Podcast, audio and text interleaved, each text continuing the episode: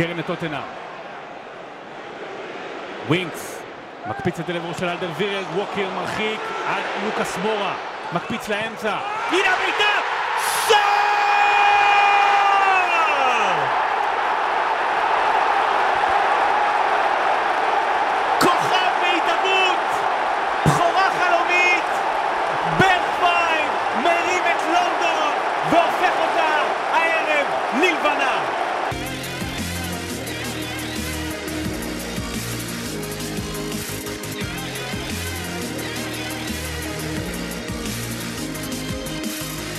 שלום וברוכים הבאים לבשירות הוד מלכותה, פודקאסט הפרמייר ליג של ישראל. אנחנו כאן בפרק מספר 82. ושתיים. תודה, יש! זה מה שאנחנו נעשה מעכשיו. מעכשיו אני אעשה את כל הפתיחה ואתה תגיד את המספרים. אתה הבן אדם של המספרים, כולם יודעים ששרון דוידוביץ' הוא איש של מספרים וסטטיסטיקה. זה ידוע לכל. שרון דוידוביץ' כאן איתנו, אני בן פורגס. מה העניינים, אסף כהן? היי, היי, שלום, יופי, אחלה. ידוע לכל. שבוע טוב. ידוע לכל. ידוע לכל, לא ידוע לכל. גדול. אנחנו כבר אחרי שהספקנו לשמוע את השידור של שרון לשער הראשון של ברכווין, גם שרון נהנה, גם אסף בטח שנהנה מהשער של אתה ברכווין. יודע כמה נהניתי מהשער הזה? סיימתי בדיוק את השידור של אייקס פסו. הם חיכו לך. זה היה, בדיוק, זה היה בקומה השלישית. ירדתי לקומת הקרקע להגיד שלום לשרון, שהיה ממש במהלך השידור. נכנסתי לחדר השידור. איך אני רואה אותו? קרן? אמרתי בוא נגיד איזה מ- מילה כן. שתיים על ברכווין. בוא נגיד מילה שתיים על ברכווין. אמרנו, קרן, וגול.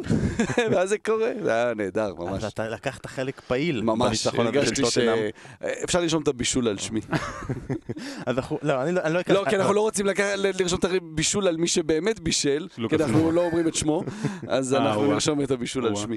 אז עוד נדבר הרבה על ברכווין ועל טוטנאם ועל סיטי, ואם כבר התחברנו לכל הדבר הזה, אז בוא נתחיל עם הפינה של הליגה הכי הולנדית בעולם. בוא נתחיל עם שלום. שלום? לא, תגיד לי שלום. אבל אמרתי לך כבר שלום. לא, אמרת לאסף. אתה רוצה שגם נגיד לך תגיד לי שלום? שלום. אני, יאללה. אה, הסכם המאה. לא, אה, רק תגיד לי שלום. שלום שרון. אהלן, מה נשמע? בסדר גמור, להמשיך. אפשר להמשיך. פינה... נימוסים בסיסיים, אתה. בן אדם, בן אדם פה, בנכיר אותו עשר שנים, פה, ת- ת- אתה הוא יושב מולך, תגיד לו שלום. צודק, אתה צודק. בוא נתחיל מההתחלה. של... אם כבר שלום, אז שלום. אה, הליגה הכי הולנדית בעולם. בהחלט. היה לנו כבר בינתיים, כבר, כבר די זרקנו עליך, כבר עברנו להולנד אחר, בדורטמונד שמספיק להבקיע, ממשיך להבקיע, נתנו עוד צמד, חוזרים לליגה שלך, למשחק שהוא כביכול הקלאסיקו הכי גדול של הולנד, והשנה הוא קצת פחות אייקס נגד איינדובן. כן, כי פסו מקום חמישי באמת אה, נראית רע מאוד, לא, לא רק בכדורגל, אלא מסביב, הפיתויים של ון בומל, יש שם מלחמה אדירה בין אנשי ון בומל שעוד במערכת, לעומת האנשים שלא, הם לא שלו, שבצד השני, שזה היושב ראש והמנהל המקצועי. אה, ויותר מזה, מינו ריולה, הסוכן הידוע והמושמץ, עכשיו הוא מייצג פתאום שני שחקנים משמעותיים מאוד של פסו, את מוי עטרן אה, בן, אה, בן ה-17 ואת דנזל דמפריס, המגן הימני, והוא כמובן גם הסוכן של ון בומל, וזה מין כזה הכל, אתה יודע, ועכשיו אה, ריולה נכנס, אז הוא רוצה כמובן להוציא אותם החוצה, וברכווין עזב. בקיצור, פסו זה סיפור באמת מרתק שאפשר למלא עליו ספרים על מה שקורה ב- ב- בעונה הזו. קופמן אתמול- ידידנו היה אומר, כל הגם הדרק. ממש, ממש. ואצל. ההולנדים, שהוא גם לא כן, במיוחד. מרטודיאדה עם חטא. אה, ואייקס פוגשת אותה כשהיא פצועה בלי בלינד וזייח ונרס ועוד ועוד ועוד ועוד. היה צריך להיות 5-0 קליל, באמת, זה היה הפסו הכי גרוע שאני זוכר 30-40 שנה. היא ממש מבישה, כאילו, השחקנים שבושה שלובשים את החולצה. היה רק 1-0, אה, וכובש השער פרומס גם נפצע. אה, בהמסטרינג. חבל, היה מאוד- היה שחקן מאוד מבטיח. כן, כן, יפה. ואז בסוף החודש יש להם חטאפה, בלי פרומס כנראה, בלי נרס, בלי בלינד, אה, בלי זייח, מקווים שזייח עוד יחזור. בלי סיכוי. בקיצור, אין סיכוי. כן. לא, אין סיכוי באמת. ואנחנו צריכים כבר לחשוב קדימה לאיך זה ישפיע על נבחרת הולנד. זה מיד איך שפרומס נפצע, מיד אה, המצלמה הלכה לרונלד קומן שישב ביציע. מה. מצבו? כאילו... ממפיס קרע רצועות, מאלן קרע רצועות. פרומס זה ב- בשריר הערך האחורי, זה כמה שבועות, זה לא אמור להיות, אבל... יש סיכוי שממפיס יחזור אבל? כי הוא נפצע יחסית... אה, ממפיס זה מדהים, זה מעניין שאתה מעלה את זה. אה, יש את הדוגמה האחת שתמיד חוזרים אליה, זלטן איברהימוביץ' שחזר אחרי חמישה חודשים. גם בקאפ דרך אגב, אבל אוקיי. אבל זלטן זה כמין הדוגמה, אז אומרים, המפלצת, האיש החזק הזה, האריה. ו- וגם ממפיס, יש לו קעקוע ענק של אריה על כל הגב שלו, והשבוע התפרסם שליון מאוד מודאגת כמה הוא עובד על, הח, על החזרה שלו. הוא כל הזמן מעלה סרטונים, הוא עובד מאוד מאוד קשה, כשהמטרה מאוד ברורה שלו זה להיות מוכן ליורו. כן, זה עכשיו, מסוכן. ממפיס כשיר הוא ביורו, כלומר, זה הכוחה, הוא אחראי על 70% מהשערים בתקופה, בתקופה של קומן, שערים ובישולים. אם הוא יכול לשחק, הוא משחק, הוא יודע את זה, קומן יודע את זה, אה, ובליון מאוד מודאגים. אנחנו נמשיך ונרחיב ברגע שאנחנו נתחיל לעשות את ההסבה מכדורגל אנגלי לפודקאסט, אה, המסע של הולנד ליורו, מליגה הולנדית לענף ש... שרק שרון מחבב, אבל היה סיבה להתעסק בו בשבוע שעבר. שבוע שעבר לא הקלטנו פרק, אבל שרון הקליט ספיישל מיוחד. אה, שחובנטוד ניצחו את אה, ריאל מדריד אתמול, ראיתי בשנייה האחרונה משהו. באמת? אפילו אתה ראית את זה. שאומרים חובנטוד בכלל, זה גם איזה... כן. הוא ישב בתכלס, הוא ראה את זה רק בגלל שהוא חיכה שהדבר הזה ייגמר בשביל להיכנס לשידור הבלגי שלו, זה לא, לא חוכמה גדולה.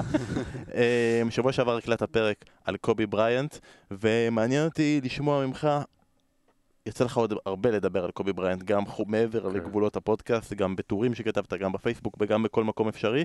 אה, האם יש משהו שהרגשת שהיה חסר לך, שלא הספקת להגיד בפודקאסט, או איזושהי תגובה שקיבלת לפודקאסט שגרמה לך להרגיש, אוי, אני אצטרך להסתכל על זה בצורה אחרת, או בפעם הבאה שאני אדבר עליו אני צריך להוסיף גם את זה? שני דברים. אחד, ש... אנחנו, אני דיברתי בפרק וכל הזמן על העניין שכמה קובי ניסה לחקות את מייקל, והוא באמת היה העתק הדבק של מייקל ג'ורדן. וכל הזמן הלך בדרכו. העניין הוא שבסיום הקריירה שלו, ולקראת סיום הקריירה וגם אחריה, הוא היה 180 מעלות ממייקל ג'ורדן.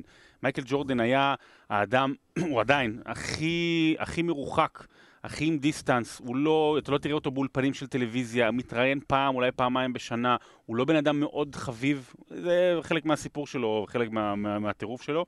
וקובי בריינט היה, באמת בשלוש-ארבע שנים האחרונות הוא עשה דברים מדהימים, הוא היה חבר של המון אנשים בליגה, הוא היה מנטור, הוא, הוא, הוא, בא לאירועים, הוא בא לאולפנים, הוא בא לרעיונות, היה בהרצאות, הוא תמך בצורה בלתי רגילה בכ, בכדורגל נשים בארצות הברית ובכדורסל ובענפי ספורט, בגלל שיש לו ארבע בנות. אז במובן הזה, באמת, הפרק הכי שמח בחיים שלו נגדע. אבל עוד משהו אחד זה שהספורט מלמד אותנו בעיקר, כי יש לזה המון זרקור, שהחיים מאוד מורכבים. כי קובי בריינט הוא אדם מאוד מורכב, ולדבר עליו זה, זה, זה, זה עניין מאוד מורכב, והוא היה אנס, ככל הנראה, ו, ו, ועדיין אנשים מאוד אהבו אותו. אז מה זה אומר? האם העולם עקום, או שאולי הדברים בעולם הם לא שחור לבן, והמורכבות היא, היא, היא, היא פנים רבות לה. הזדמנות טובה להפנות אתכם לפרק על ריאן גיגס בספר אה, אגדות דשא. ואחרי שהלכתם לריאן גיגס, או לספר או לפרק על קובי בריאנט בנבחרת החלומות.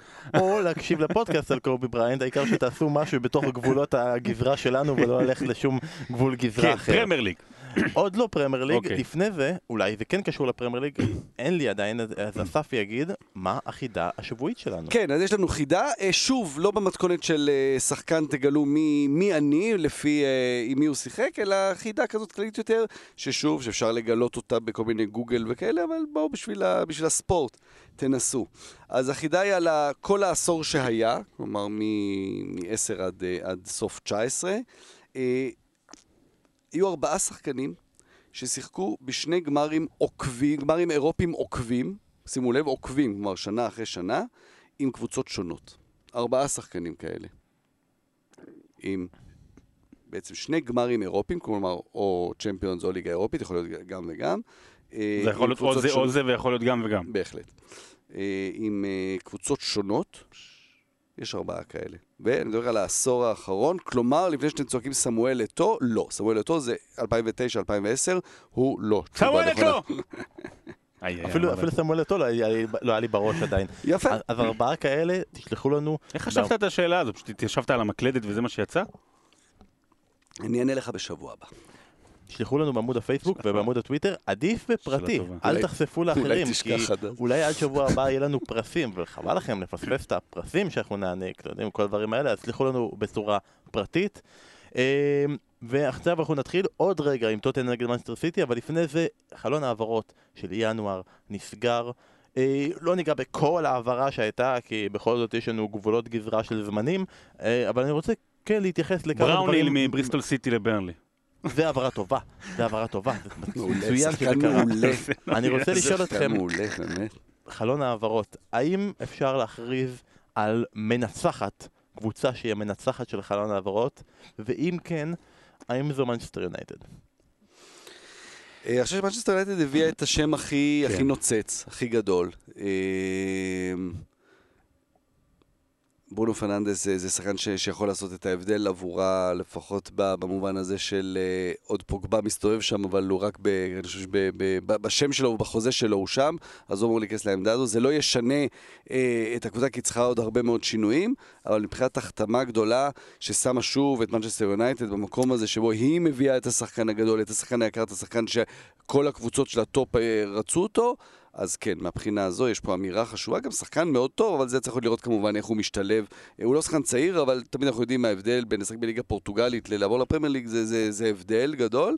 איך הוא ישתלב צריך עוד לראות מבחינת החותמת על מי עשתה את ההחתמה הכי גדולה, מנצ'סטר יונייטד. אחרי אתמול כאילו קל להגיד ברחוויין, אבל זה לא נכון. אה, אין ספק שמנצ'סטר יונייטד המנצחת, איגאלו זה באמת כוכב בינלאומי. סתם. לא, אבל אה, ברונו פרננדס הוא שחקן שאתה לא מביא בינואר. אוקיי, זה, זה מסוג המציאות שאתה לא מוצא בינואר. ומנצ'סטר יונייטד ישבה עליו והתאבדה עליו, מה שנקרא.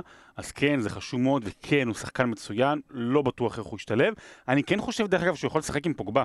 פוגבה קצת מאחוריו. אני חושב שהוא כן יכול. יכול, יכול, יכול, אבל אתה יודע, השאלה אם הוא יחזור שוב, אני אומר. האם זה, כן, האם הוא יחזור, אבל כן, אין ספק- אין ספק שיונייטד היא המנצחת הגדולה, וגם לינגארד כבש בחלון העברות, אה, בתכלס, כאילו, הניצחון פה היה שהיה להם מין אפקט מגווייר כזה, נכון? שהם הגיעו למצב, בעיקר אחרי שהיה כל הזמן דיבורים על הולנד כן, הולנד לא, ואז הם לא לקחו אותו ופתאום הוא מפציץ ככה בדורטמונד, שלא היה להם ברירה אלא להביא אותו, גם אם המחיר יקר, אנחנו לא יודעים עדיין, יש דיבורים על כך שכל שבוע הוא מקבל עוד מיליון, לא, לא ברור מה ההסכם מד- המדויק, אבל הם היו חייבים לקנות. והשחקן השני שהם היו חייבים לקנות זה חלוץ, והם הביאו את איג- אה, איגלו. שאנחנו זוכרים כמה שנים אחורה, והשאלה אם הוא יגאל אותה מייסוריו, אני בטוח שהוא לא יעשה את זה. מייסוריהם. אה, אנחנו זוכרים את השנים אה, אחורה, את השיתוף פעולה הנחמד מאוד שהיה לו עם דיני בווטפורד. אבל מאז, הוא היה בליגה הסינית. לפני חמש שנים, כן? כן, הוא, הוא, הוא היה מאז בליגה הסינית, הוא לא כל כך הצליח, ב, לא, הוא נכשל במונדיאל הוא האחרון. עשה עונה אחת טובה, שגם אותה אפשר להגיד חצי עונה טובה מאוד בווטפורד, כן, 15 ואז שערים. אחרי זה הוא נעלם, קצת כמו ההוא מווסט ברומיץ', הכנף השמאלי, לא- לא בריאון? אה, ברהינו. משחק בליגה הבלגית. עכשיו. כן. ברהינו כזה, זה היה דומה. נורא, נעלם. ואז אחרי זה הוא עבר לסין, גם שם דרך אגב הוא לא התחיל טוב, ועכשיו הוא כן הפך להיות שם top scorer. זה באמת, זה קצת... אני חושב שמנצ'סטר יונייטד, אפרופו כל הבלגן שהיה עם פרננדס, וזה התחיל עוד מימי פוגבה, אני באמת מרחם על מנצ'סטר יונייטד, ואני אפילו עם כל הכעס שכולם אה, עושים עליו, מרחם על אד וודוורד, אני חושב שמנצ'סטר יונייטד נמצאת בנקודה הכי בעייתית כשהיא מגיעה לשולחן משא ומתן. יודעים, יודעים כמה לחץ יש מאחוריה עם הקהל, כמה לחץ יש לה, להחזיר את המועדון הזה לגדול, לגדולתו, ויודעים שאפשר לכופף את המועדון, ובגלל זה הסכומים מטורפים, גם עם פוגבה ומגווייר, והיו היו כל כך וואן הרבה... ביסאקה. וואן ביסאקה, והיו, כל- היו, אני כבר לא זוכר מה היה ונפל, שהיה, אה, יודע, חודש שלם שכל יום יש ידיעות, והוא מגיע והוא לא מגיע, והתקשורת כל כך חזקה שם, אני באמת חושב שמכל אירופה, מנצ'סטר יונייטד זה הקבוצה שהכי קשה לה להגיע לשולחן המשא ומתן ולקנות שחקנים. ובתכלס, אמרת, ה top scorer בסין, איגאלו כבש בעונה האחרונה בסין עשרה שערים, רק למען השוואה. ארנאוטוביץ' הבקיע תשעה והוא הגיע באיזה אמצע, באמצע העונה. זה די סוגר את הסיפור הזה, שתמיד יש את השאלה, האם ערן זהבי יכול להגיע לקבוצה גדולה? שמענו את הדיבורים על טוטנאם, ניב דוברת עדכן אתמול בשידור שהוא היה שם שנזרק אבל אף פעם לא היה משהו ממשי. אם יגאלו מגיע למאנסטר יונטד, אז בתכלס, כן, ערן זהבי היה יכול להגיע לקבוצה גדולה לא, באנגליה. אה, אין מה להשוות כי גלו כבר עשה עונה באנגליה, מכירים אותו, כלומר יש, יש, יש את העניין הזה. אה, אבל אחרי כל מה שאמרנו על ברונו פרננדס, אז בואו בוא נעשה את הצד השני. אה, להביא את אודיון איגאלו, זה, זה מביש מבחינת מנצ'סטר יונייטד, אני נכון? הם צריכים. חלוץ.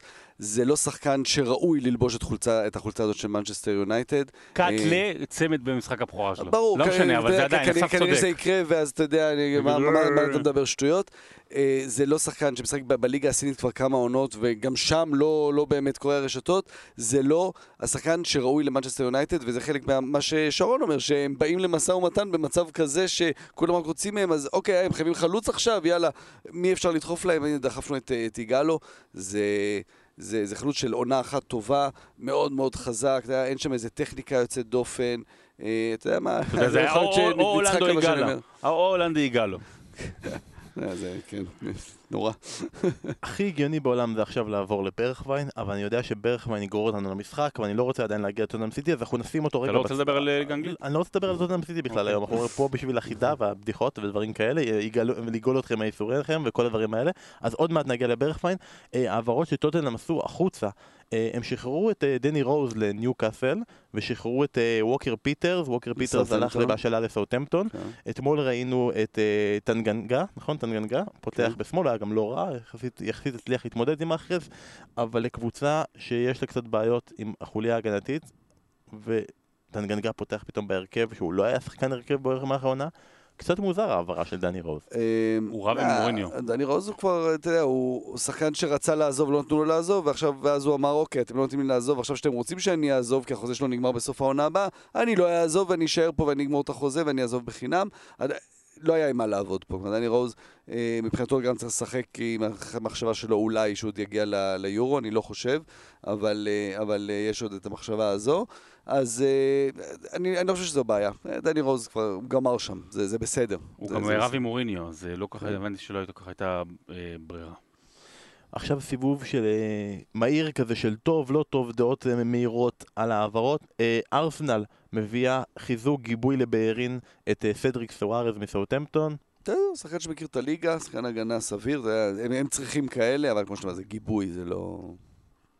בסדר. באסטון וילה, שרון, אתה שמעת את מי אסטון וילה הביאה? את הטנזני, הביאה את זה, את הוא? כבש. הוא כבש במשחק. הבכורה שלו בהפסד. בליגה, זה היה נגד בכורה? בליגה, כן, הוא שיחק, אה, בכורה שלו הייתה מול אה, לסטר לעיני ארבעה מיליון. טנזנים. כן, אה, היו תמונות כאלה מטנזניה, שכל טנזניה צופה במשחק. כבר רואה את הכותרת אה, בבוקר למחר, השד הטנזני. סמטה, אה, הכינוי שלו סמה גול. אה, החתמה מעניינת, כי הוא מגיע מבלגיה, אחרי שווסלי לא, לא, לא ממש הצליח, אבל הוא חלוץ אחר לגמרי. וווסלי הוא חלוץ תשע פיזי מאוד, מקבל את הכדור עם הגב לשער, שומר על הכדור. סמטה הרבה יותר מהיר, הרבה יותר אה, שחקן עם הפנים לשער.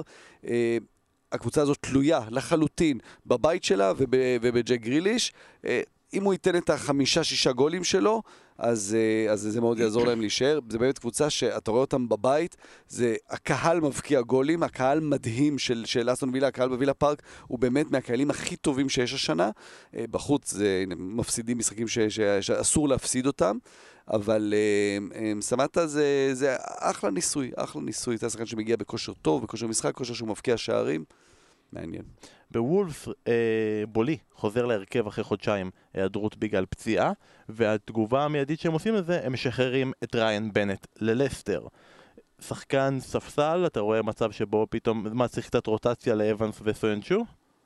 מחשבה על שלושה לא- בלמים? לא, לעבות את הסגל שם, הרי ווסט מורגן יצא בעצם, הוא כאילו, ווסט מורגן התחיל את העונה כי אולי אופציה היה קצת מחליף, אבל הוא כבר לא באמת, הוא כבר, אה, כבר הופך להיות שם סוג של חלק מהצוות המקצועי. בלם מחליף, אתה יודע, כי יש עוד אה, עונה עם הרבה משחקים, תבוא פציעה. אז אתה יודע, בנט זה אח.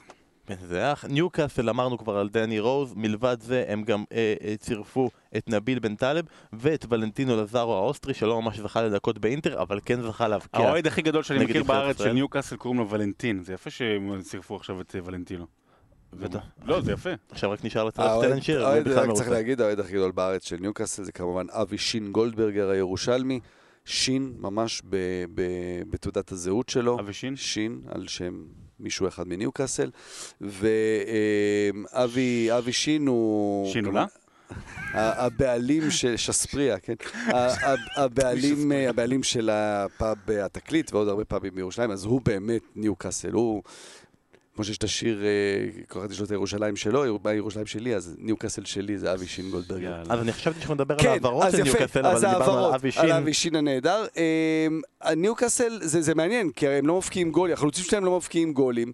סטיב ברוס עבר אה, בעצם לשחק בשיטה של רפה בניטס עם השלושה בלמים, אז הוא מביא שחקנים שיכולים לשחק על הקווים, לזארו ודני רוז.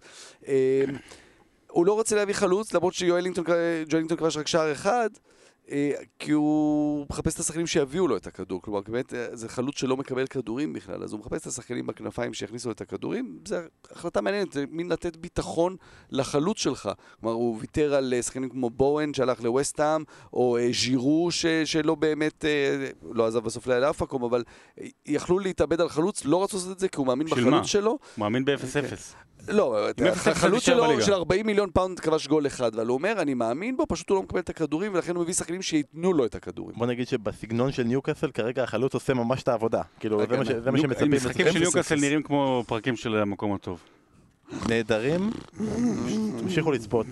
אה, והקבוצה האחרונה שאנחנו מדברים עליה, שפילד יונייטד, הביאה, אה, א', רבל מוריסון עזב, עבר חברה אחת. היה דיבורים שהוא מועמד לביתר, ביתר, כשבנימין. ניסה להביא אותו לביתר, כן, שטויות.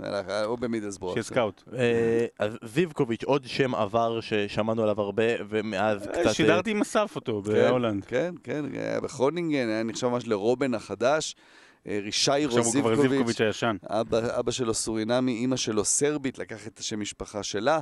אה, עבר לאייקס, באמת הייתה הבטחה מאוד מאוד גדולה, אה, שלא הצליחה קצת, הראש שלו לא, לא, לא במקום, הברגים שם לא לגמרי, לא הכל מחובר. והעברה הגיע ליגה שנייה, שנייה בסין, ועכשיו פתאום מקבל את ההזדמנות בשפילד יונייטד, בוא נראה אם הוא ייקח את ההזדמנות. העברה השנייה, סנדר ברגה, שהדבר הכי מרגש היה שהיה דיבורים על כך שהוא חותם במאנסטר יונייטד, אבל. הסתבר שזה שוער שנראה ממש כמוהו. זה נפלא, זה נפלא. דיווחים מהמגרש, מתקן אימונים של יונייטד, שראו את סנדר ברגה שם, וישר כולם מחתימים אותו וזה, בסוף זה לא הוא בכלל, באמת יופי של סיפור.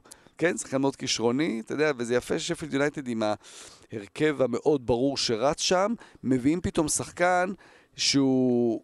הוא עוד לא כוכב, אבל הוא לגמרי שחקן שמגיע בהרבה כסף ו- ו- ופוטנציאל, כבר מישהו שצריך לשחק. זאת אומרת, רגע, אז הולכים פה לפרק משהו שעובד, אה, לא לפרק לגמרי, אבל כן להכניס פתאום שחקן שהוא מגיע בהרבה כסף, ושחקן שברור שהוא צריך לשחק בתוך מערך שעובד נהדר. החלטה מעניינת של קריס ויילדר, נראה איך זה יעבוד להם. נגיע לפנטזי בהמשך, אבל בוא נגיד שכל אנשי לנסטראם צריכים להתחיל לדאוג עם הגעתו של ברגה, לממש, כן. שכבר פתח השבוע במקומו בהרכב. תאמינו לא, הגענו עכשיו לטוטנאם נגד מנצ'סטר סיטי, היו גם משחקים השבוע בליגה הטובה בעולם. ורגע לפני שנגיע למשחק, אה, בפספורט שמענו את הסינקים של מוריניו ופפ על היריבות ביניהם, המפגש ה-23 בין השניים, שפפ גוורדיולה מתנצל בפני כל אנשי התקשורת באנגליה על כך שאין כבר יריבות וזה נגמר, ומוריניו אומר שהוא בכלל זוכר את הימים שהוא אימן יחד איתו והוא היה שחקן בברצלונה, וזה הרגעים שהוא הכי זוכר. אתה לא עושה חיקוי, נכון? זה ככה הקול שלך. לא, זה ככה היה, ככה אני שמעתי אותו. אמ, ואתה, שרון, אמרת שהוא משקר. עכשיו, אני לא יודע אם הוא משקר או לא, אני רוצה שתסביר את עצמך, וגם אני רוצה שתגיד לי, לדעתך, מי באמת היריב הכי גדול של מוריניו? כלומר, אם אתה לוקח את כל הקריירה שלו, מי הבן אדם שכרגע אתה אומר, מוריניו זה הבן אדם שהכי רוצה לנצח? זה הוא, זה פרגוסון שיחסית לא היה כזה יריבות, כאילו היה שם איזו הערכה הדדית, כי שניהם תחמנים קטנים כאלה.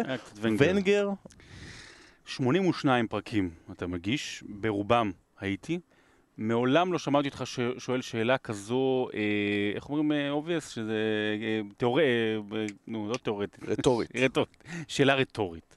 מי היריב הכי גדול של מוריניו כל הקריירה? הרי זה... זה אחד הסיפורים הכי, הכי משפיעים. זה אחד, זה, זה, אתה יודע, הסיפור הזה הוא סיפור שמשפיע באופן ישיר על הכדורגל שאנחנו רואים היום, ובכלל על כל העשור הקודם.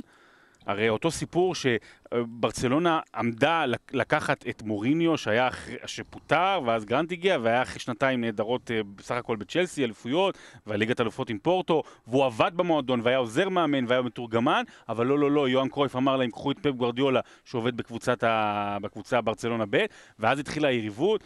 אסף כתב על זה בהרחבה גם בשני הפרקים על שניהם, ובעצם אה, על היריבות הזו שהתחילה, ואיך מוריניו הפך להיות אנטי פפ. זאת אומרת, הכדורגל של מוריניו הוא לא אנטי כדורגל. זה חשוב להבהיר את המושג הזה, זה לא אנטי כדורגל, זה אנטי פפ. ואפשר להגיע למשחק או שעוד לא? לא, אפשר זה, להגיע. לא, לא, זה רק להבהיר, זה... מה ששרון אומר בעצם, זה אוקיי. מעבר לבין פפ ל- למוריניו, זה כל כך אה, נקודה, צומת היסטורית בכדורגל, זה התזה והאנטיתזה.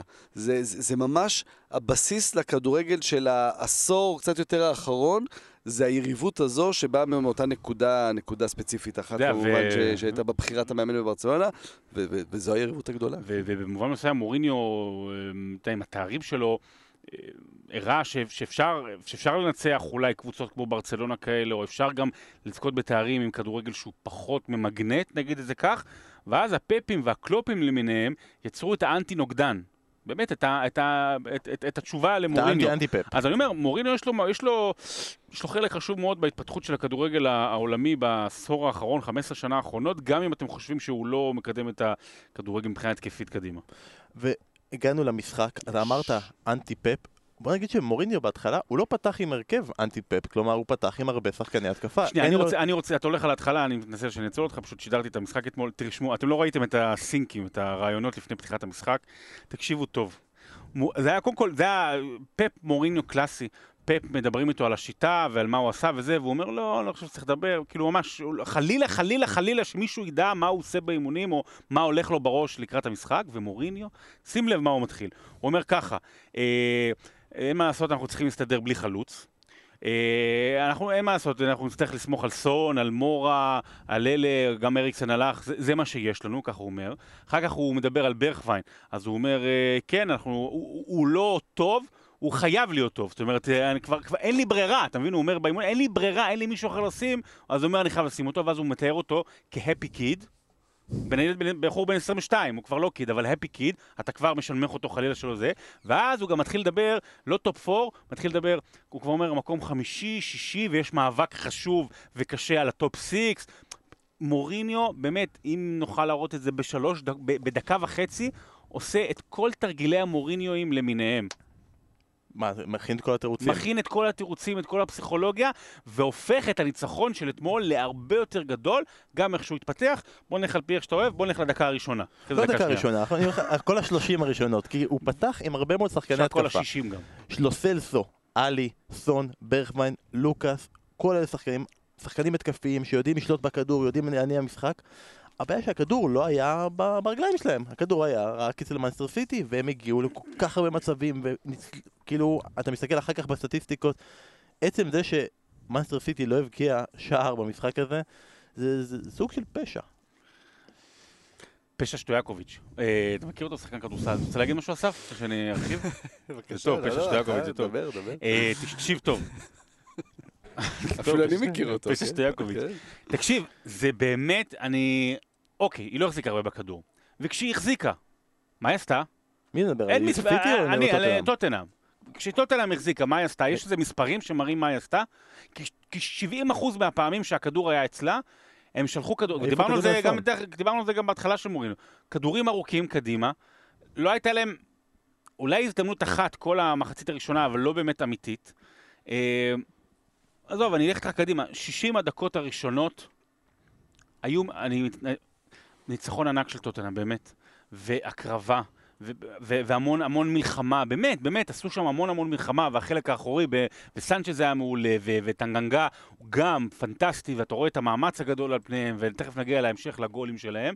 60 דקות ראשונות מבישות. של טוטנאם, זה היה כמו בוגרים מול קבוצת נוער, היה לה מזל, היה כדור אחד שהלך לקורה, היה פנדל שהוחמץ, היה אה, עוד החמצה של, אה, של אגוורו בשלושה מטרים מהשאר, זה היה יכול להיות בקלות 2, 3 ו-4-0 במחצית הראשונה, אבל בסדר, אם אתה רוצה, אתה יודע, תמיד אומרים מוריניו מול פפ ללכת למה, איזה משחק מייצג.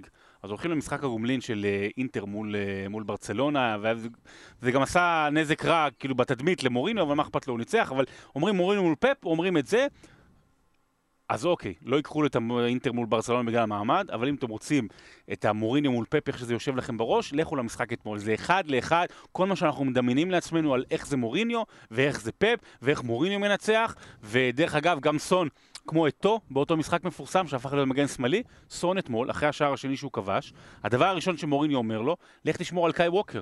וסון היה מגן שמאלי עד, אתה יודע, ב-20 מתוך 30 הדקות האחרונות. ציית להוראות? להוראות, יפה. יפה, מתחבר יפה, לכתבה שלך. יפה.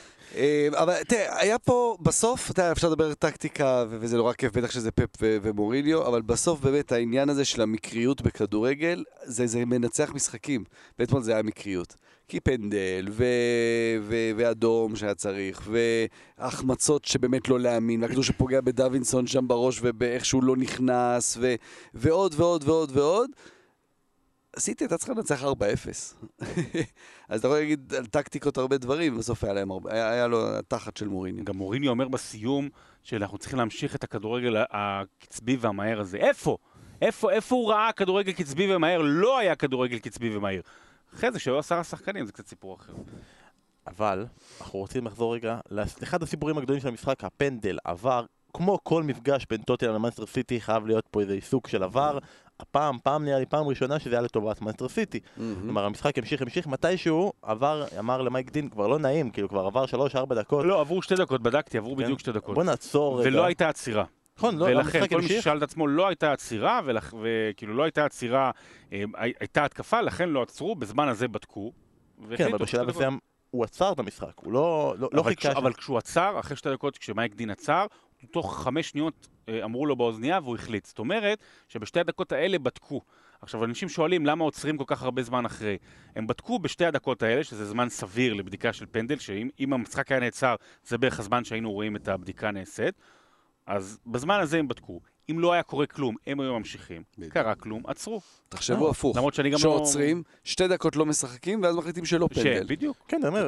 הרווחנו כדורגל כן. חינם, דקות כן. אה, אקסטרה. השאלה מה קורה אם היה גול. על חשבון הבית, היה פנדל מוצדק, היה, הגיע הפנדל, גונדואן מצטרף לרשימת המחמיצים של מאנסטר סיטי, הבקיע בגביע, כן. שוב ארבעה ניסה, משישה פנדלים האחרונים אה, הוחמצו. מתישהו גונדואן באמת שחקן צריך, שכבש בגמר ליגת האלופות בפנדל, כן? כמו אז עם דורטמונד נגד ביירן. מתישהו הוא יצטרך לעמוד במילה שלו, ובאמת אדרסון יצטרך לבעוט פנדל, אין ברירה. אה, ואז מגיע הרגע אחרי הפנדל, שבו סטרלינג רץ, לוריס רץ, איזושהי התנגשות ביניהם, אה, נופל, אין פנדל, לא נותנים את הפנדל, אה, ואז יש פה התלבטות. ואני רוצה לשאול אותך, אסף, האם אתה שלם עם ההחלטה של מייק דין לתת כל מיני צהובים בשטח לכל מיני אנשים שרבו ולא הסכימו וכו' וכו', ולהוציא את סטרלינג נקי מצהוב שני ואדום? במקרה הספציפי במקרה הזה, הספציפי הזה. כן, במקרה הספציפי הזה כן, אני חושב שכן, כי... מה, אני, אני אפילו לא סגור על זה עדיין עד עכשיו אם זה כן פנדל לא פנדל, אני הולך לגמרי עם ההחלטה הזו, ולא כל נפילה היא התחזות. לא, אתה יודע, וגם לא כל נפילה זה פנדל. כלומר, יכול להיות שהיה איזשהו מגע, אבל זה בסדר לא לשרוק על זה, זה גם בסדר לא להוציא על זה צהוב, אה, צהוב בכלל, לא, לא, לא צהוב שלי, צהוב בכלל. לא על זה סטרלינג היה צריך להיות מורחק. זה בסדר מה שקרה במהלך הזה, שהוא לא שרק לא לפנדל ולא, ולא לצהוב שני. אבל, כמובן, אין, אבל- אין אפשרות אחרת. סטרלינג בכניסה שלו בדלה אלי. זה אדום, יודע, אנחנו מכירים את החוקים עכשיו, את כל ההגדרות האלה של נעיצה, יש של אבל ללכת עניין לקרסול, שהזווית רגל. שלו הייתה, זאת אומרת, הרי זה יכולה להיות נעיצה עם. עם הרגל קדימה גם כשזה לא בכוונה וזה אדום. העניין שם, שלמה לדעתי לא, לא הוציאו אדום, שהרגל הייתה בכיוון למטה, לכיוון הדשא. זאת אומרת, הוא לא בא, לא הוא לא. הרים את הרגל למעלה, אלא למטה, לכן יש פה גבולי, אבל הוא כמעט שבר לו את הרגל, ולא הייתי, לא היה קורה שום דבר אם הוא היה מקבל אדום. ואלי עוד. המשיך לשחק, אבל באיזשהו שלב הוחלף, ואתה יודע, לא ברור עוד מה, מה בדיוק חומרת הפציעה. אה, אני, לי זה מרגיש כמו כרטיס אדום, הפאול הזה, כן, לא, לא כן, הפנדל. כן. האם זה היה שווה את הכל, לא להביא לו את האדום, רק בשביל לקבל את התגובה של מוריניו אחר כך? ש- כן, שהתחיל ללא לרוץ ספק, ברשתות? ללא כן, ספק. מי שעוד לא, מי מוריניו שעוד הוא לא ראה, אגדה. אני ראיתי את זה עשר פעמים היום. זה אגדה. זה, זה באמת, זה סרטון מדהים, שעוד העוזר, הוא אומר לו. אבל הוא, גם העוזר בעצמו לא, לא, לא מבין, הוא רק אומר לו צהוב, ואז הוא מבין שזה צהוב שני, ומה שיפה שמוריניו עוד שם את הבקבוק, סוגר את הבקבוק, שם בצד. ואז רץ. זה וידאו כי הוא אדיר. זוכר מה התפקיד ויש שלו. לנו השנה את פפ עם ה two, את ה two times, וזה זה, זה, זה פשוט, יש לנו סרטונים אחלה גיפים, אחלה גיפים. ממש, ממש. אתם מוזמנים, אם עוד לא יצא לכם לראות, להיכנס לעמוד הטוויטר שלנו ולראות, שיתפנו את זה שם. אז גונדואן מחמיץ פנדל, ואחר כך הוא מחמיץ גם מצב של אחד על אחד שסטרלינג הכין לו, והיה גם מצב שהשאירו לו כדור מצוין והוא פשוט פספס אותו. גונדואן מחמיץ הרבה מאוד מצבים, זינצ'נקו מקבל אדום, המשחק טיפה משתנה, ואז מגיע הרגע שבו האיש, אתה לא אומר את שמו, נותן בישול אדיר. אפשר רגע לפני? רגע לפני, בישול משפט, אדיר. משפט, לא, משפט, כאילו, אחרי מחשבה- משפט על. זינצ'נקו. משפט על זינצ'נקו, כן? זה גם, אה, עוד פעם, זה, עכשיו הוא קיבל אדום, אז יכולים להגיד את זה, אבל זה גם חלק מהעניין, מהכישלונות האלה של להביא את השחקנים הנכונים, המנוסים. הוא לא מגן בכלל, הוא לא מגן. הארי ווינקס רץ עם הכדור.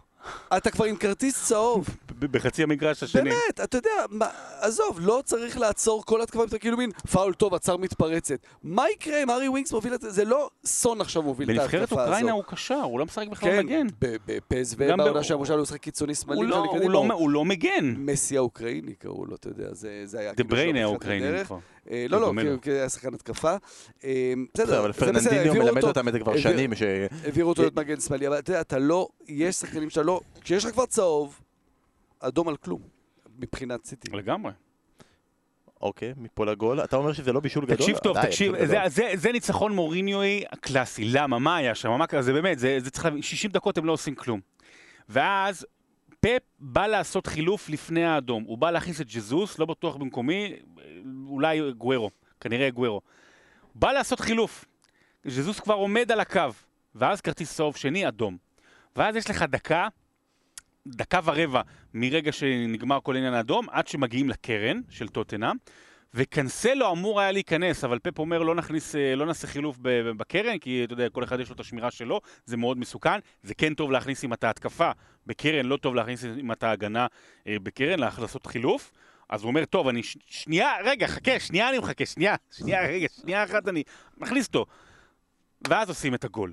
כשעדיין לא ברור כולם, וברכוון לא סגרו אותו, כן, בישול יפה מאוד של לוקאס מורה, במובן הזה שכולם חשבו שהוא עיוות, ואז הוא מסר, ו... וברכוון, שמע, בברכוון אה, זה אחלה, אחלה ספתח, ו... וגם שער יפה.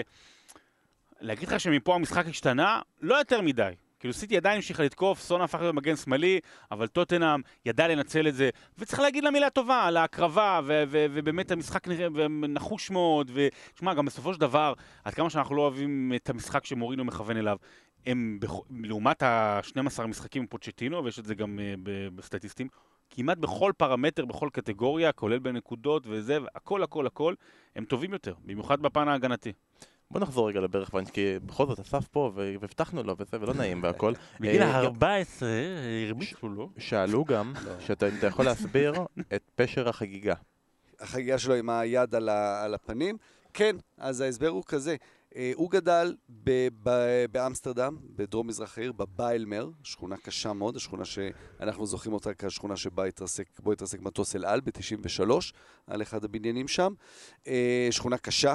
שכונה שחורה, כמו שקוראים לזה בהולנד, הרבה מהגרים. אה, הוא גדל שם, גם אה, ג'וויירו דילרוסון גדל שם, חבר טוב שלו, שחקנה של הרטה ברלין.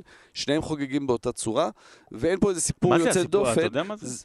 אה, לא... אה, אתה רוצה להגיד את זה? אז אה, אה, זה פשוט סיכום שלהם עם החברים, שכשהם כובשים שער, זו החגיגה שלהם. כשהם משחקים בשכונה, חברים, ככה הם חוגגים. דילרוסון, שכבש בהרטה, חוגג ככה. גם? סטיבן אה, ברכווין זה ככה. שמפריע לך פשוט, הסיפורים שלך נורא מסקרנים, אני חייב כבר... אתה אה, מבין שהסיפור לא, היה, הוא גדל בשכונה קשה, שכונה כזו וזה וזה, ואז ככה הוא חוגג בפיפא. אתה מבין? זה זה הסיפור, יש פה זה, אבל ככה הוא חוגג בפיפא, הוא. קבע- קבע עם כל החברים שלו שככה הוא. משחק. אמ, אבל קצת בכלליות על ברכווין שהיו צריכים חלוץ, הביאו סוג של winger, אמ, סוג של winger, אבל ה winger המודרני, ה winger אדמה טראורה, בוא נגיד ככה. הווינגרים של היום הם כבר לא, נגיד, אה, אוברמרס, רובן, אה, אה, שחקנים כאלה, גיגס, שחקנים כאלה קצת יותר אה, כלילים, שיודעים לעשות את הדריבל, למסור, אה, לפעמים לבעוט גם לשער, אבל למסור, לחפש את החלוץ, אלא אה, הרי אדם. אה, לא, לא בהכרח בגובה, אבל מאוד מאוד חזקים, וגם ברכווין, כמה שהוא קטן, הוא מאוד מאוד חזק, מאוד מאוד רחב. אה, ש, שמבחינה פיזית יכולים להתמודד, אתה יודע, אמרת טנגנגה, שמשחק בהרכב, הוא משחק כי הוא שהוא- פשוט מאוד מאוד מאוד חזק. אתה יודע, הוא נותן גוף הרבה יותר מוורטונגן, שיותר חכם והרבה יותר טכני, אבל אם אתה רוצה למישהו חזק, אז אתה שם שחקן כזה. אה, אז, אז זה הסוג של ברכווין, שכאמור אמסטרדמי, שכמו ששעון כבר צחקק פה, גדל באייקס. אה, הם היו ב, ב, בקבוצה עד גיל 14, הם היו ב, ב, במחנה אימונים בשוודיה, באיזה משחקי אה, הכנה כאלה בשוודיה. אה, אבא שלו גם ליווה את הקבוצה, והמאמן אז של הקבוצה הזאת, אורלנדו טרסטפול, גם שחקן נבחרת הולנד בעבר, כן, כן, זה, לא, לסורינמים יש הרבה שמות כאלה שהם הגדר, מילים, מילים מלא מלא. ביטחון. טרסטפול, היה גם העוזר של פרנק דה בור עונה אחת באייקס. בכל אופן, טרסטפול לא נתן לו לשחק. הוא היה איש אימונו. ובמהלך המשחק בשוודיה, סתם משחק של אה, קבוצות נערים בשוודיה, הוא עמד מחוץ למגרש עם מטפחת לבנה. תחשבו על את את ה- כמה זה ציורי, כן? מגרש בשוודיה, טורניר אה, נערים. ילד, נערים, ואבא אחד עומד עם מטפחת לבנה וצועק על המאמן ומקלל וזה, ואייקס אמרו לא מתעסקים, לא רוצים אותו, שחררו אותו בחינם, בחינם, לא שילמו עליו אה, אה, יורו אחד. רציתי להגיד גילדן, שילמו יורו אחד אה, אה, PSV, עבר ל-PSV, פספוס גדול של אייקס, שבקיץ עוד דיברו על זה שאולי הוא יעבור לאייקס, לפני שהביאו את פרומס. אה, אז אה, כן, זה סיפור של שחקן מאוד מאוד מאוד מוכשר, הוא לא תשע, כלומר, אה, קודם דיברו על זה ש- שהם 23. צריכים תשע, כן, מיד קיבל את המספר של אריקסן, יודע, שכחו אותו מהר. אבל אה, כן, אחרי שהביאו כל כך הרבה שחקנים מאייקס, אז הנה עכשיו הביאו שחקן מפסו, אבל גם עם עבר של אייקס. ופגיעה על המשחק הבכורה שלו, הזכרת את עניין החילוף, זה הקטע המצחיק בכדורגל, שפפ החליט לא ללכת, יאללה, חטפתי את 1-0, אני מכניס את ג'זוס אללה בבאללה, נשאר בכל זאת עם קנסלו, מוציא את הגוורו, חלוץ, מכניס שחקן זה הגנה. פפ, אבל זה פפ, זה הכל, כל, כל דבר שקורה בעונה הזו, זה סימבולי להתנהלות של פפ. הרי הוא, הוא כל כך, אה, ככה דברים צריכים לעבוד, ככה תכננתי את זה, ככה זה יהיה. ואז הוא כן. מקבל חור של אותה מנדי, כן. אני מניח שהוא גם תכנן את זה. אז ניצחון ראשון של טוטנאם בליגה על קבוצת top 6 מאז נובמבר 2018, כן?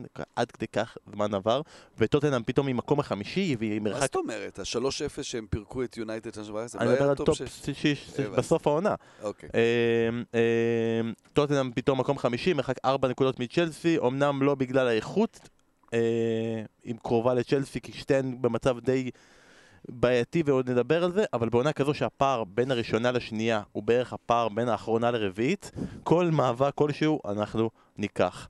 אה, אז ברכות לטוטנאם ומפה נמשיך, ליברפול נגד סאוטהמפטון. אה, מחצית ראשונה בינונית, מחצית שנייה תכליתית, מנצחת 4-0 עם צמד של סאלח שעולה למקום השלישי בטבלת המבקיעים בליגה, שלושה בישולים של פירמינו שעולה למקום השלישי בטבלת אה, הבישולים בליגה, אה, והפער הוא כבר 22 נקודות, שלהבנתי זה הפער הכי גדול בתולדות הכדורגל האנגלי, סוף מחזור. לא, לא יודע אם כדורגל, פרמייר ליג, תולדות הפרמייר ליג? אוקיי, תולדות הפרמייר ליג. גם יש פה 20 ומשהו, ש... כמעט 30. כמעט 30 ש... שנה של כדורגל, בסוף מחזור 22 נקודות, אה, ויש כרגע תרחיש לא כזה מופרך, שליברפול זוכה באליפות בחודש מרץ. האליפות הכי מוקדמת היא של יונייטד, 10 או 11 באפריל ב-2001. זה האליפות בעצם הכי מוקדמת שהושגה. מרץ זה מטורף. התרחיש הלא, המופרך, שזה בתחילת מרץ. הלא מופרך, זה שזה כזה, הם יוצאים לפגרת הנבחרות, אלופים. הת- לא מופרך זה שהם מגיעים לחגיגות במאי, הם כבר לא זוכרים מה הם חוגגים מרוב שזה היה כזה שהם מזמן. כבר חוגגים אליפות שנייה. אה, אבל אנחנו ניכנס לכל העניין של השיאים שלהם ומה הם יכולים לשבור וזה במועדים אחרים, יש כל כך הרבה הזדמנויות לעסוק בזה. אני רוצה... אה, מה שכן, רק אני רוצה לציין בעניין הזה, יש לליברפול כרגע 73 נקודות. האלופה עם הכי מעט נקודות בפרמייר ליג, יונייטד ב-97 עם 75 נקודות. היא זכתה באליפות אז. האליפות האחרונה של קנטונה. 97, שבע. כן. אבל הנתון היחידי שאני רוצה להגיד, היה לעונה לליברפול את ההזדמנות שיכלה להגיע ל-18 ניצחונות רצופים של מנסטר סיטי, ואז מנסטר יונייטד עצרה אותה, ועכשיו יש לה הזדמנות לעשות את זה שוב. זה הזוי שמצליחה לעשות את זה פעמיים בעונה, היא כרגע ב-16 ניצחונות רצופים, ומה שנשאר להם אחרי ה-16 האלה, יש להם עכשיו נוריץ', וסטאם בבית, ווטפורד בחוץ ובורנמוף, לגמרי, לגמרי, לגמרי. זה על האפס גם, זה לא... לגמרי אפשרי, ואני רוצה לשאול, הרבה מדברים על זה שזה אליפות בלי כוכב אחד ברור, האם הכוכב, אם בעונה שעברה אמרנו השחקן המצטיין זה ונדייק, העונה לא בטוח אם זה ונדייק, לא בטוח אם זה סאלח, לא בטוח אם זה מנה, אחד השחקנים שאנשים מציעים ואומרים, כנראה יכול להיות שהוא שחקן העונה, הוא ג'ורדן אנדרסון. שרון, האם אתה מרגיש שג'ורדן אנדרסון הוא הכוכב של ליברפול העונה? לא. תראה, אני אגיד דבר כזה. קודם כל, עונה, אני זוכר עוד בתחילת העונה שעברה, אמרנו, ואני אמרתי גם, שבאמת שזה אולי אחת החוליות הכי חלשות דווקא של ליברפול, והוא נשאר במקום שלו הרבה בגלל אה, עניין המנהיגות, שזה, שזה חשוב והכל, והמיקום והמקום שלו, והמחליף של ג'רארד וכו' וכו', ובאמת בכל התלכיד המדהים הזה שנבנה מסביב, הוא אחת החוליות הפחות טובות. גם הוא היה פצוע כל הזמן.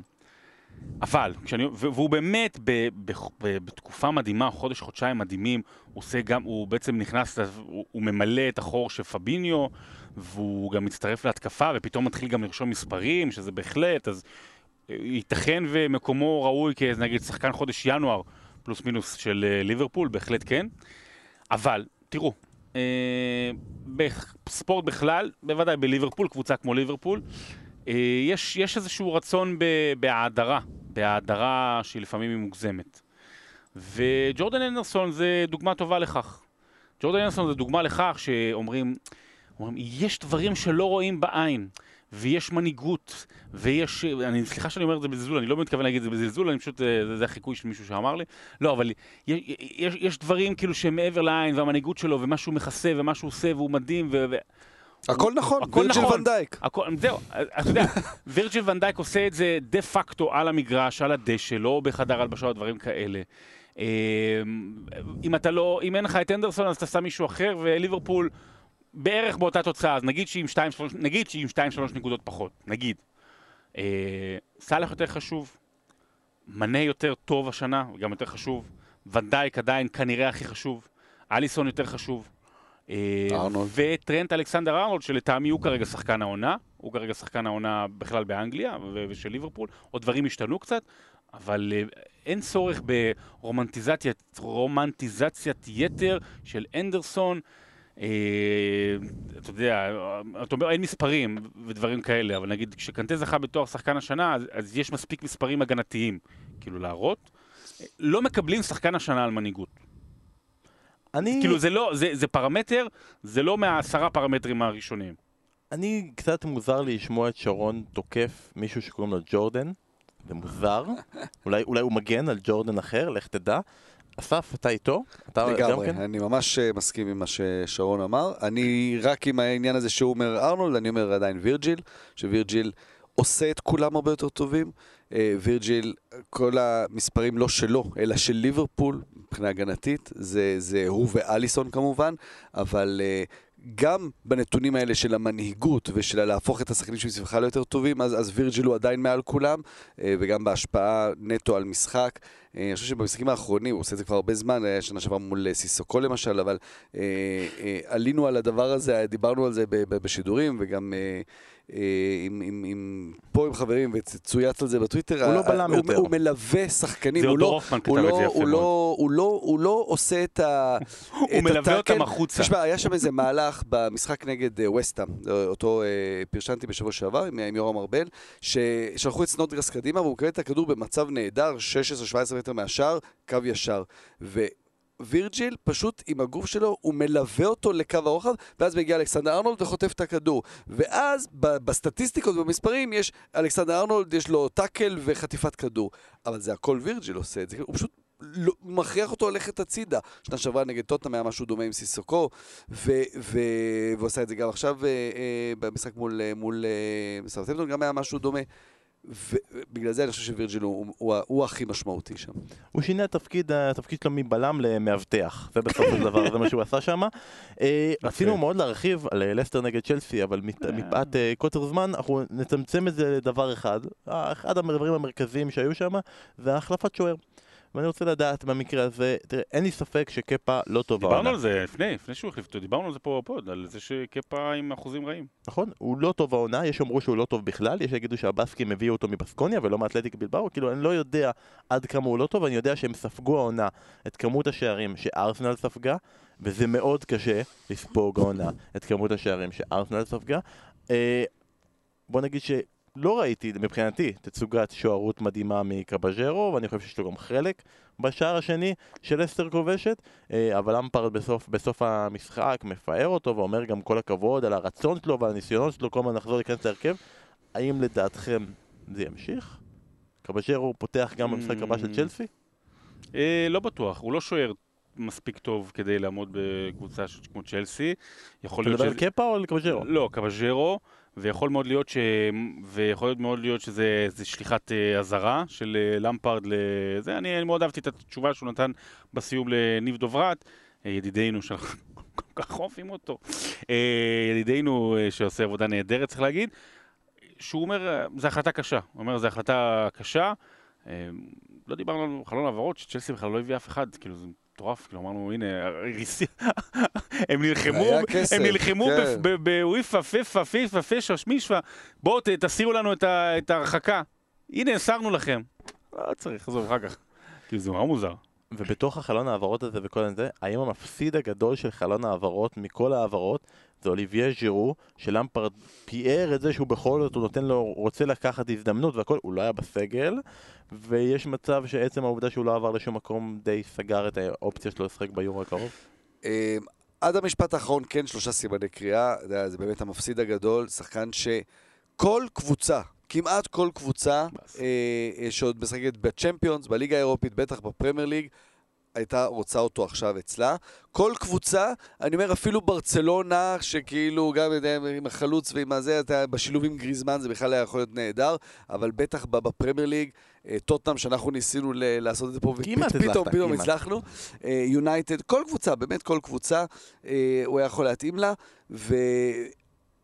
תראה, אם הוא לא ישחק בכלל זו באמת בעיה, אבל דשאן אוהב אותו, השילוב שלו עם גריזמן נהדר, אה, דשאן גם מאמין, אתה יודע, בנבחרת ש- שהצליחה כבר, שעשתה את התארים אה, רק ואז לא כשהם מזמן. יפסידו ולא יכבשו, אז אנחנו, נגיד, הפרשנים יגידו, אה, לא הבאת במקום שירו מישהו אחר. כן, אבל, אבל הש... הוא, גורם לאחרים לכבוש. אה, אז אני לא סוגר לו את הדלת ליורו, כי, כי באמת המאמן מאוד אוהב אותו שם, אבל זאת תהיה מכה קשה אם הוא, לא- אתה יודע, אוקיי, אז הוא נשאר ועדיין הוא לא בסגל במשחק האחרון. הזוי, הזוי. בקטנות, לא עוברים את הדקה. יש לכם מגבלה, אני פותח שעון. יום ראשון בשעה 4 היה חגיגה ארסנלית. בערוץ אחד ארסנל משחקת במשחק עונה נגד מנסטר סיטי. בערוץ אחר ארסנל משחקת במשחק עונה של אמצע טבלה נגד ברנלי. אחת הפסידה, אחת סיימה בתיקו. אם כבר האחת שיותר אופטימית היא דווקא זאתי שהפסידה למנסטר סיטי בקבוצת הנשים. שרון, שידרת את המשחק נגד ברנלי, מה יש לך לספר? אנחנו? קראנו להם ה-40 נכון? האלה שיש להם 40 דקות טובות מאז שארטטה הגיע, לא היו אתמול 4 דקות טובות.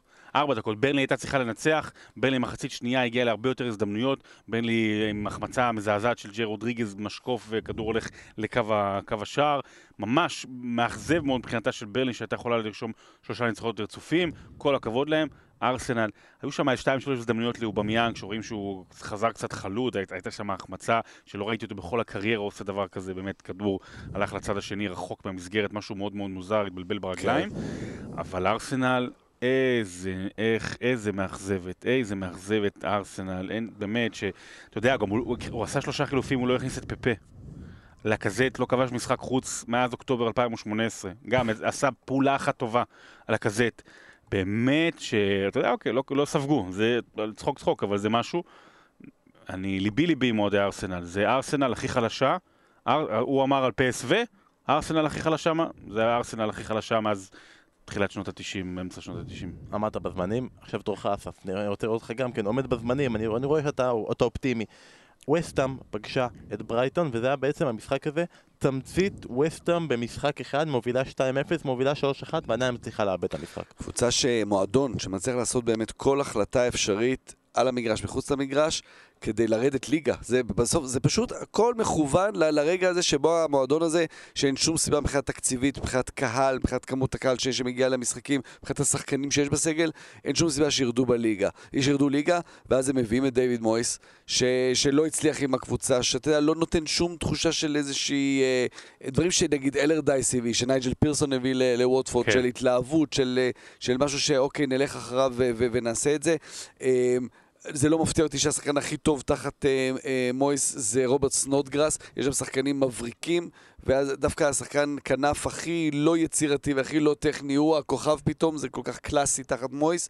אה, הם הביאו שחקנים מהרכש הוא מעניין, אה, סוצ'ק, אה, אתה יודע, שחקן אה, נבחרת צ'כיה, אה, גבוה כזה, קשר גבוה, משחק ראש, זה, זה יכול אה, לתרום, וג'רד בואן עשה כמה עונות נהדרות בהל, בצ'מפיונשיפ, השאלה כמובן אם הוא מתאים ישר לפרמייר ליג.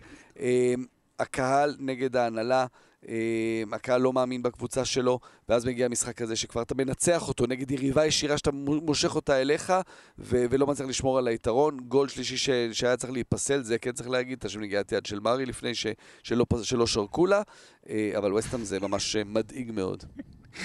אתה מדבר, אני עוצר את עצמי כדי שתוכל לסיים. כן. ואז אני מתחיל קודם עוד משהו כל, אתה יודע- מה היה המקצוע הקודם של סוצ'ק? נו. הוא היה סושף. ואתה יודע, כש- כשמרי הרבה- הרבה- הרבה זמן לא כבש בהתקפה, אתה יודע איך היו קוראים לו בברייטון? מרי בור. זה בתוך גבולות הדקה שלך, אבל אתה. יודע מה קורה כשהוא מתחיל לדמם. מה? כן. כן, כן, הכל בסדר. מה קורה? אתה חייב להמשיך את זה. תחשוב לבד. שמרי מתחיל לדמם? כן. מרי בלאד. בלאדי מרי. בלאדי מרי. בסדר, תמשיך, תמשיך. תבין, הוא אומר לי, זה, זה לי סושף. תגיד לי. אה, ווטפורד, ווטפורד אה, אחרי רצף נהדר וכבר שולחים לנו הודעות, הם חייבים להחמיא לנייג'ל ספירסון ובאמת, מגיע לו, הוא באמת הצליח להרים אותם קדימה, אבל אז עכשיו שני משחקים רצוף הם מפסידים בדקה ה-90, אחרי שבשני המשחקים הם הובילו, ואתם מוסיפים לזה גם הדחה בגביע, בהערכה, לא שאני אגיד שווטפורד ישבו ואמרו אנחנו חייבים לקחת את הגביע, אבל מודחים מהגביע, אה, וזה יוצר רצף של שלושה הפסדים והם יורדים שוב פעם מתחת לקו ויכול להיות שההצלחה קצת נעצרה וכל הרצף וכל ההרגשה הטובה הזאת היא קצת דעכה ופתאום יש להם משחק סופר סופר קריטי, יום שבת, שבע וחצי, נגד ברייטון, אמרת בעצמך, כולם רוצים למשוך את ברייטון גם לשם, אם יש קבוצה שאתה רוצה למשוך אליך לשם זה ברייטון, כדאי לכם לראות, שבת, שבע וחצי, ווטפורד נגד ברייטון, ודבר אחרון, עוד לפני שבת ולפני המחזור הזה, יש משחקים חוזרים בגביע האנגלי, טוטנאם פוגש את סאוטהמפטון ביום רביעי, משחק ממש ממש קריטי אם רוצים לקחת תואר. אה, יום שלישי ניוקאסל תנסה לבדוק במילון אוקספורד מה ההגדרה המילונית של משחק התקפי. ונכון הצמד חמד פה, יכול להיות שגם יש, ילווה אתכם במשחק. אה, דרבי של רוני מארחת את נורת'המפטון במשחק שעם כל הכבוד לסינדרלות אנחנו רוצים שדרבי יתנצח כדי שהוא יפגוש את מנסטר יונייטד כן. בשלב הבא ויש את ליברפול שמשחקת במשחק החוזר נגד שרוסברי והאנגלים הודיעו שהם לא מפיקים את המשחק לשידור בינלאומי ולכן אנחנו לא נשדר את המשחק הזה בגלל ההחלטה ואח- של... ואז עכשיו, ואתה תמשיך לקבל, ואני אקבל, ואסף יקבל. למה אתם לא משדרים? למה אתם זה?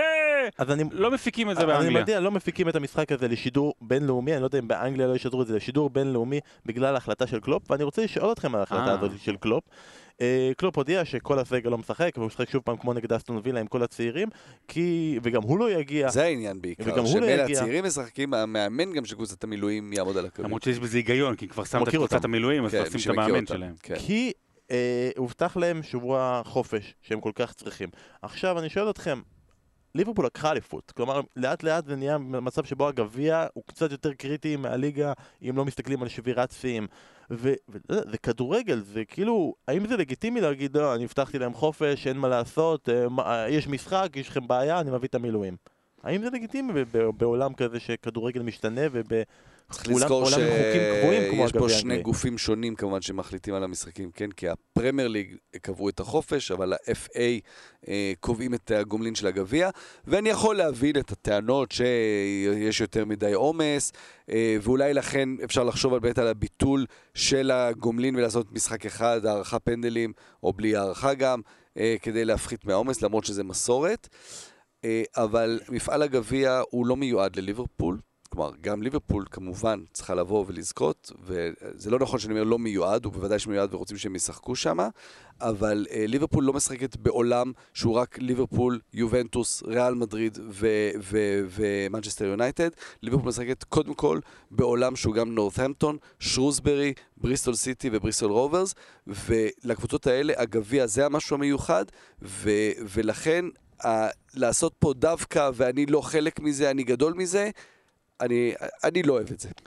אני מבין שאתה לא אוהב. אה, בעונת 99-2000, מנצ'סטר יונייטד אחרי הטראבל, אלכס פרגוסון הגדול, שאנחנו דרך אגב בפרומו לגביע האנגלי שמים פה את המשפט שלו, שהוא אומר אה, כמה, או איזה גביע ואיך זה הגביע הכי טוב בעולם וכמה הוא מרגש. בשנת 2000, 99-2000, מנצ'סטר יונייטד החליטה, מה זה החליטה? היא החליטה לא להשתתף בכלל בגביע האנגלי, כי היא ידעה שזה כבר יעשה בעיות שם עם הגביע האינטרקונטיננטל וזה. אה, נכון, אינטרקונטיננטלי. ארוחת בוקר. כן. אז אה, אז היו דברים מעולם. אה, אני לא אוהב את זה, אבל לקלופ לא אכפת שאני לא אוהב את זה. זה כל הסיפור. ברור, ברור. הסיפור הוא שקלופ לא אוהב אותך. מכל הדבר הזה אתה לא, לוקח את זה לא, שקלופ קלופ- לא שם עליך. זה הסיפור. קלופ שומע שרון דוידוביץ' ואפילו לא מחייך. איך זה? קלופ, הוא שומע את ניב דוברת והוא מתחיל לפחשב. הוא-. הוא הוא רואה את ניב דוברת, הוא אומר לו, תזיז את המיקרופון. קלופ עושה מה, שטוב לקלופ ולליברפול, אם זה מה שהוא החליט, בסדר, הוא יקבל מאיתנו את הביקורת. הייתי אומר, הוא אוהב אותך כמו שהוא אוהב טיפול שיניים, אבל במקרה הזה זה- לא נכון, כי הוא באמת... קלופ- קלופ חולה על טיפולי שיניים, זה הדבר הכי טוב שקורה לו ביום. אה, הגענו לפינת הצ'מפיונשיפ, ולכן. חברים, אה, פתיח.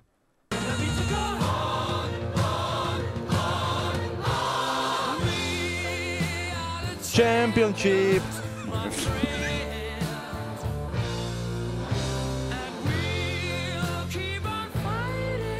חשבת שיהיה פה יותר צ'מפיון בשיר הזה, נכון? יש, יש, אני יודע את הכל. The צ'מפיונשיפ! Championship! תשחק את השיפ. שיפ! כל שבוע משחקים גם באמצע שבוע כי זה ליגה שמשחקים בה כל. יום! חברים, אם אתם יכולים בבקשה להמשיך לשלוח לי שירים עם המילה צ'מפיונס כי לאט לאט מתחיל להיגמר לי אז, כשאני הייתי אה, קטן, אני- אני- אני חשבתי ש... צחקו עליי קצת, חשבתי שפרדי מרקיורי זה ברוס גרובלר. כן. וואו, דומה. למה לא ליעקו אותו לסרט? כן, כן, כל כך בדיוק. זה. אז בפינת הצ'מפיונשיפ, רוני כובש שני מחזורים ברצף. ווסט ברומיץ' חוזרת לנצח אחרי שבעה משחקים ברציפות, ומזל שיש להם את לוטון טאון מהמקום האחרון. אה, שוער ברנדפורד עושה מחווה לדודו, לדודו וואט, 17 שנה אחרי הוא סופג שער די מזכיר, כדאי לכם לראות, אבל הסיפור פה הוא לא השוער של ברנדפורד שעושה מחווה, אלא כל ברנדפורד שכובשת חמישייה והיא אשכרה בקרבות על הפלייאוף. והיא קבוצה מלהיבה, והיא קבוצה שכיף לראות אותה. אה, מאמן דני תומאס פרנק, שמביא שם הרבה דברים אה, קלופים לקבוצה, מה-4-3-3 והלחץ על כל המגרש. אה, מועדון, בוא נגיד, אחד המועדונים הכי גדולים שלא היו בפרמייר ליג עדיין. עם אצטדיון ביתי נפלא, ש... שנסגר בסוף השנה הזו, אצטדיון של ברנדפורד במערב לונדון, אה, לא, לא גדול, שיש בו ארבעה פאבים בכל פינה של האצטדיון, וזה נסגר, ובעוד, אה, ובעונה הבאה כבר עוברים לאצטדיון החדש שלהם, שנמצא חמש דקות נסיעה מהאצטדיון הזה, מגריפין פארק. אה, קבוצה עם התקפה נפלאה, שלושה שחקני התקפה נהדרים, אולי ווטקינס, שהוא מלך השערים שלא מפסיק להבקיע, אבל אולי השחקן הכי טוב בצ'מפיונשיפ השנה, סעיד בן רחמה, אה, האלג'יראי, כבש שלושה במשחק האחרון, אה, שבו גם הוא הראה את החולצה ז'טם פאפה, הקדיש את, ה, את השערים לאבא לז'אן שלו. פייר פאפה. שאבא שלו שנפטר, ש- שמת, אסור להם, כל הזמן אומרים לי, לא להגיד נפטר, הוא לא יהודי, שמת שבוע קודם. אה, קבוצה מאוד מלהיבה שהיא בבעלות של מת'יו בנאם, זה אנגלי שעשה המון כסף מהימורי אה, ספורט, מצא, עשה איזה שיטה. ונהיה מיליונר מזה, הוא גם הבעלים של אפסי מיטלן מדנמרק, זכה הייתה באליפות, עובד שם עם הרבה דנים, שבמין סוג של מאניבול כזה, סיפור מאוד מעניין. אה, יהיה להם קשה, יש שם את אה, פורסט, את לידס, את ווסט ברום, פולאם.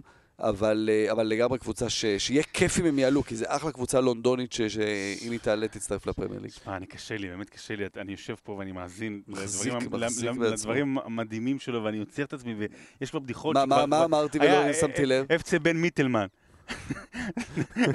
מיטילן. כל מיני כאלה, יואו, אני באמת קשה לי, אני קשה, אני אולי אני ארשום את זה בצד, ואני אעשה כזה בסוף, ככה אני... בהערות של הפרק כל פעם אנחנו נוסיף את... ב-34-22 אמרת זה.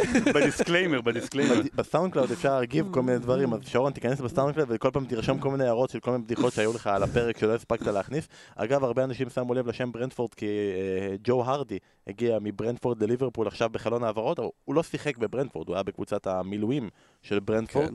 אה, אז ברנדפורד מועמדת, רלוונטית, נמשיך לעקוב גם אחריה וגם אחרי כל הקבוצות בפינת הצ'מפיונשיפ שלנו. אה, הימורים ופנטזי ונסיים, הימורים היה מחזור מזעזע של כל המעורבים, כולם, אף אחד לא פגע ביותר משני משחקים, אני פגעתי בליברפול ובתיקו של יונייטד, אה, ועדיין זה שרון שעושה הכי הרבה נקודות, כי הוא אשכרה פגע ב-2-2 של לסטר נגד צ'לסי, וזה אחרי שהוא פגע ב-2-2 בין ארסנל לצ'לסי. אז שרון, האם יש לך גלאי 2-2? גלאי מערכות. גלאי 2-2, מה זה הדבר לא, הזה? לא, כי אה, ליגה אנגלית, יש, אה, אתה יודע, היו שערים. היה איזה 4-0-0 קבוצות עפות. במחזור הזה. בוא תספר לנו כמה פעמים העונה עשתה צ'לסי 2-2, ואז נבין אולי אה, למה שרון מהמר במשחקים של צ'לסי על זאת אומרת, יש פה 2-2. טריק, אה, יש פה טריק. לא יכול לגלות את כל הסודות שלי. אם אתה אומר שהוא פתח סוקר ובדק, אין מה שאתה רוצה. מהרגע שאני פרסמתי את אני ההימורים, לא, כן. אני לא תוך ארבע שניות הוא שלח את אני ההימורים לא, שלו. לא פותח שום דבר, אסף, אין לי מושג כמה הם, לא יודע- לא יודע באיזה ליגה משחקים. אין לך מושג, אתה אומר. ועדיין הוא בפער דו-ספרתי עלינו. כל הכבוד לך, אנחנו נמשיך לעדכן ההימורים גם בשבוע הבא. לסטר צ'לסי, 2-2, צ'לסי ארסנל, 2-2, צ'לסי שפילד יונייטד, 2-2. אתה יודע שהוא הימר, הוא הימר 2-1 ושינה ל-2-2. לא, כי, כן, בסדר. אתה גאון, אתה כן. גאון, זה מה שאתה.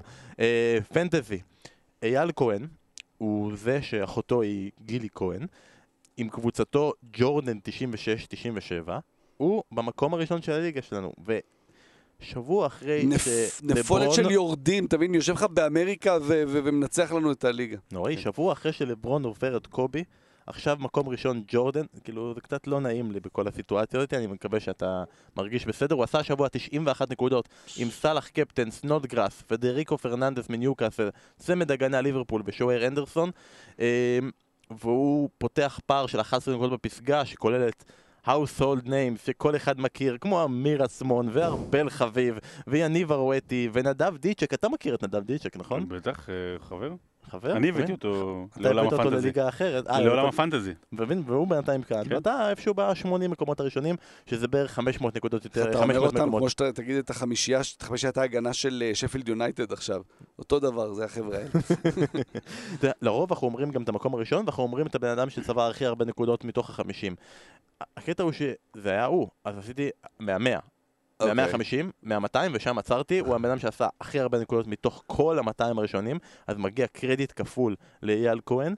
זה הכי מרגיז, זה כמו בטור דה פרנס, שההוא שמוביל וגם ככה יש לו את החולצה הצהובה, ואז הוא גם מנצח את הקטע. ואז הוא שתי חולצות, זה קשה לו. מקבל-? ואז מקבל הוא- את האריות הקטנים האלה והדוגמניות שלידו, כן. אה, וזה מביא אותנו למחזור פנטזי קצת מוזר, כי אה, האנגלים המציאו פגרת חורף חדשה. אנחנו לא נצא לפגרה, אנחנו נפצל מחזור אחד במשך שבועיים. השבוע יש ארבעה משחקים, שבוע הבא יש שישה.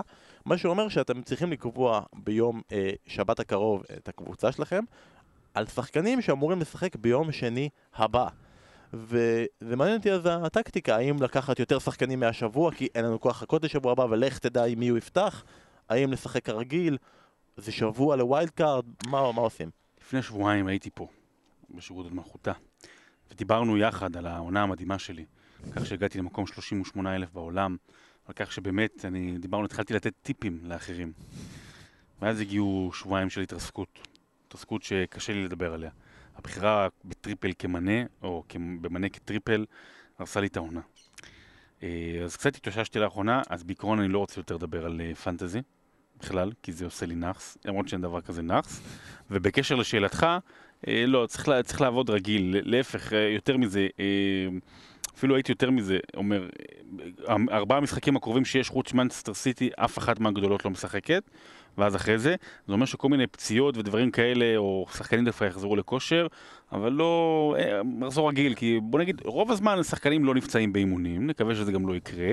אני גם חושב שלא מעט קבוצות יקבלו יחסית חופש. שטקוס מוסר לך דרישת שלום, כן? כן. רק אמרתי את זה, עכשיו חצי ליגה מתה. ואתה יודע, רגיל, אין מה לעשות. אסף, תן לנו רגע איזה טיפ מתוך כל השחקנים שהזכרנו בחלון העברות, כולל ברכפלן שעולה שבע וחצי והבקיע בשער במשחק הבכורה שלו, את מי אתה מביא? אה, כולל ברכווין? כולל את ברכפלן. ברכווין. את ברכווין. לא, התחיל טוב, אה, צריך לראות מה יהיה עם דלה עלי, מה בדיוק חומרת הפציעה. אני חושב שזה נורא, אבל אבל יש מצב ש... אה, אבל מתאים למוריניו. זה הרכש שהוא הביא, זה כבר רכש שלו. זה שחקן שלו, זה לא שחקן שהיה שם. ו- ולתת לו ו- ולרוץ איתו, אני אני- אני מאמין בו. ביונייטד...